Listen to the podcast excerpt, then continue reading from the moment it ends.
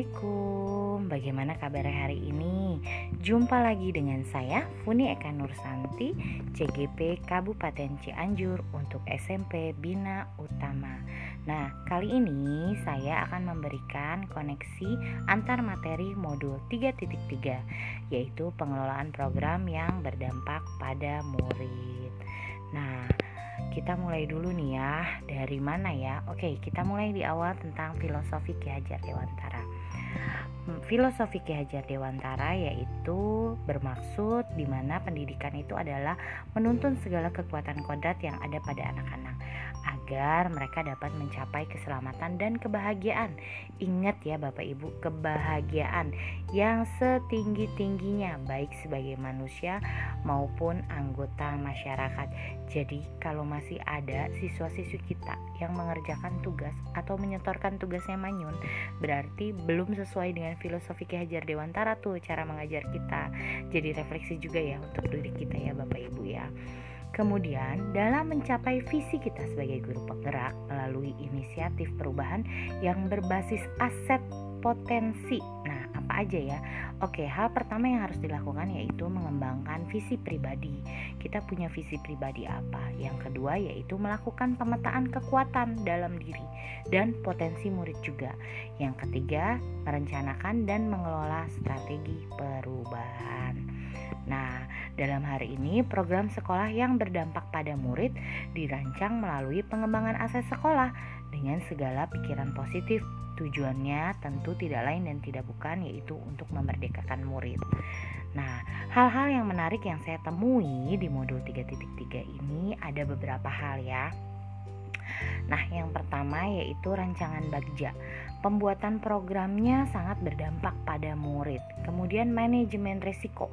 Nah, dalam hal ini terkadang ketika kita membuat program, kita jarang sekali ya memikirkan resiko ya Bapak Ibu ya. Di modul 3.3 ini saya menemukan manajemen risiko. Risiko strategis, keuangan, pemenuhan dan reputasi sekolah.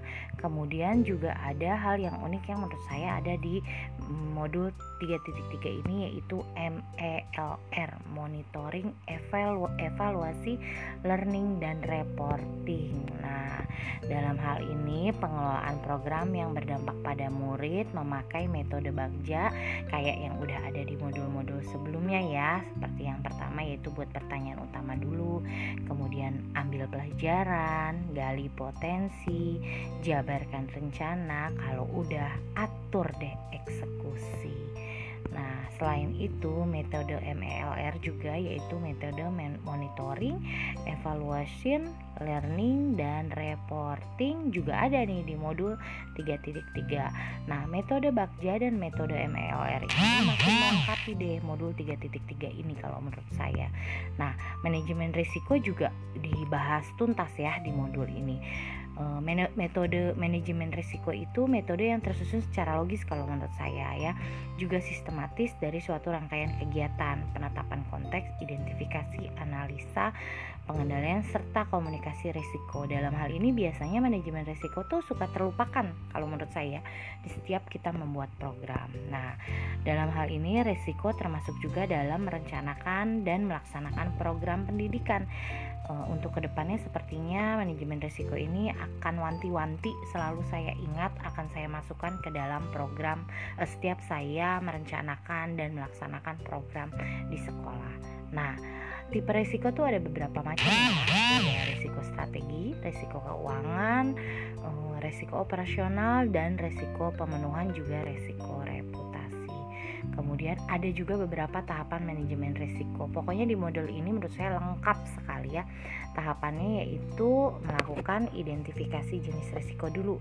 Kalau udah kita melakukan pengukuran, kemudian kita lakukan strategi agar bisa mengendalikan risiko. Kalau sudah kita lakukan evaluasi terus menerus maju dan berkelanjutan. Jadi nggak usah kapok bahasanya mas seperti itu ya Bapak Ibu ya. Namun pada akhirnya ya perubahan yang dilakukan sekolah akan menimbulkan suatu resiko. Tapi sama tidak akan uh, tidak tidak melakukan perubahan pun juga menjadi sebuah resiko. Jadi dalam saya baik kita melakukan perubahan atau kita tidak melakukan perubahan, masing-masing itu sama-sama memiliki resiko. Sekian koneksi antar materi dari saya modul 3.3 semoga bermanfaat. Hatur nuhun. Assalamualaikum.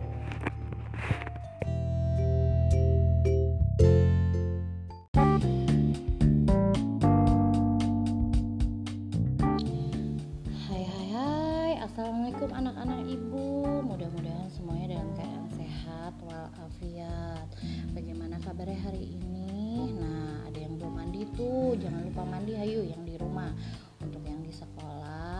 silahkan didengarkan juga ya. Oke baik.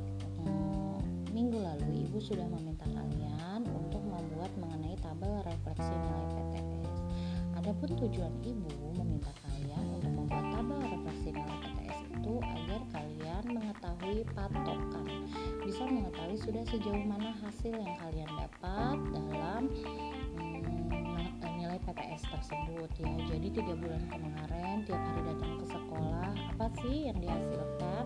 Nah jika masih ada guru yang belum memberikan nilai PTS, kalian bisa langsung nanya ke gurunya, bu nilai PTS saya berapa? Seperti itu. Nanti kalau sudah diisi dari tabel tersebut nanti bisa kalian jadikan patokan agar kalian bisa move on di nilai UAS.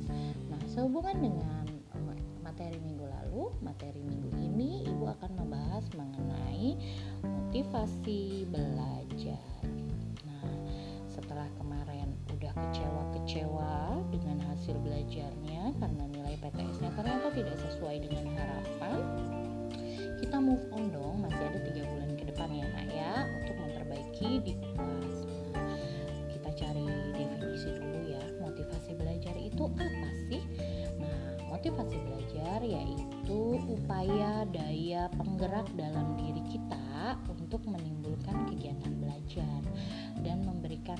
arah pada kegiatan belajar.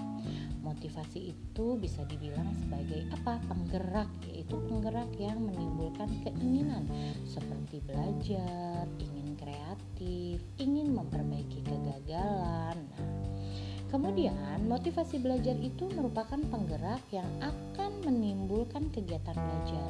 Kegiatan belajar itu tadi meliputi apa sih? Mendengarkan, kemudian menyimak, mengerjakan, mengobservasi, menelaah materi pelajaran. Selanjutnya, motivasi belajar akan memberikan arah pada kegiatan belajar. Maksudnya mengarahkan pada pencapaian tujuan belajar, yaitu jadi ngerti, jadi lebih paham, jadi lebih terampil terhadap apa yang akan dipelajari. Nah, dari sini sudah paham dong, berarti ya apa sih motivasi belajar? Nah, motivasi belajar tiap individu itu berbeda-beda. Ada yang motivasinya dari dalam, ada yang dari luar. Dari dalam contohnya apa? Motivasi ingin sukses agar cita-cita tercapai. Jadi agar cita-citanya tercapai, dia rajin datang ke sekolah, dia rajin beribadah. Itu adalah motivasi dari dalam. Motivasi dari luar itu seperti apa? Motivasi dari luar itu adalah motivasi yang datangnya bukan dari diri kita, tapi dari pihak luar. Misalkan ada orang tua yang mengiming-imingi anaknya jika anaknya tiga besar nanti akan diberikan sesuatu nah itu adalah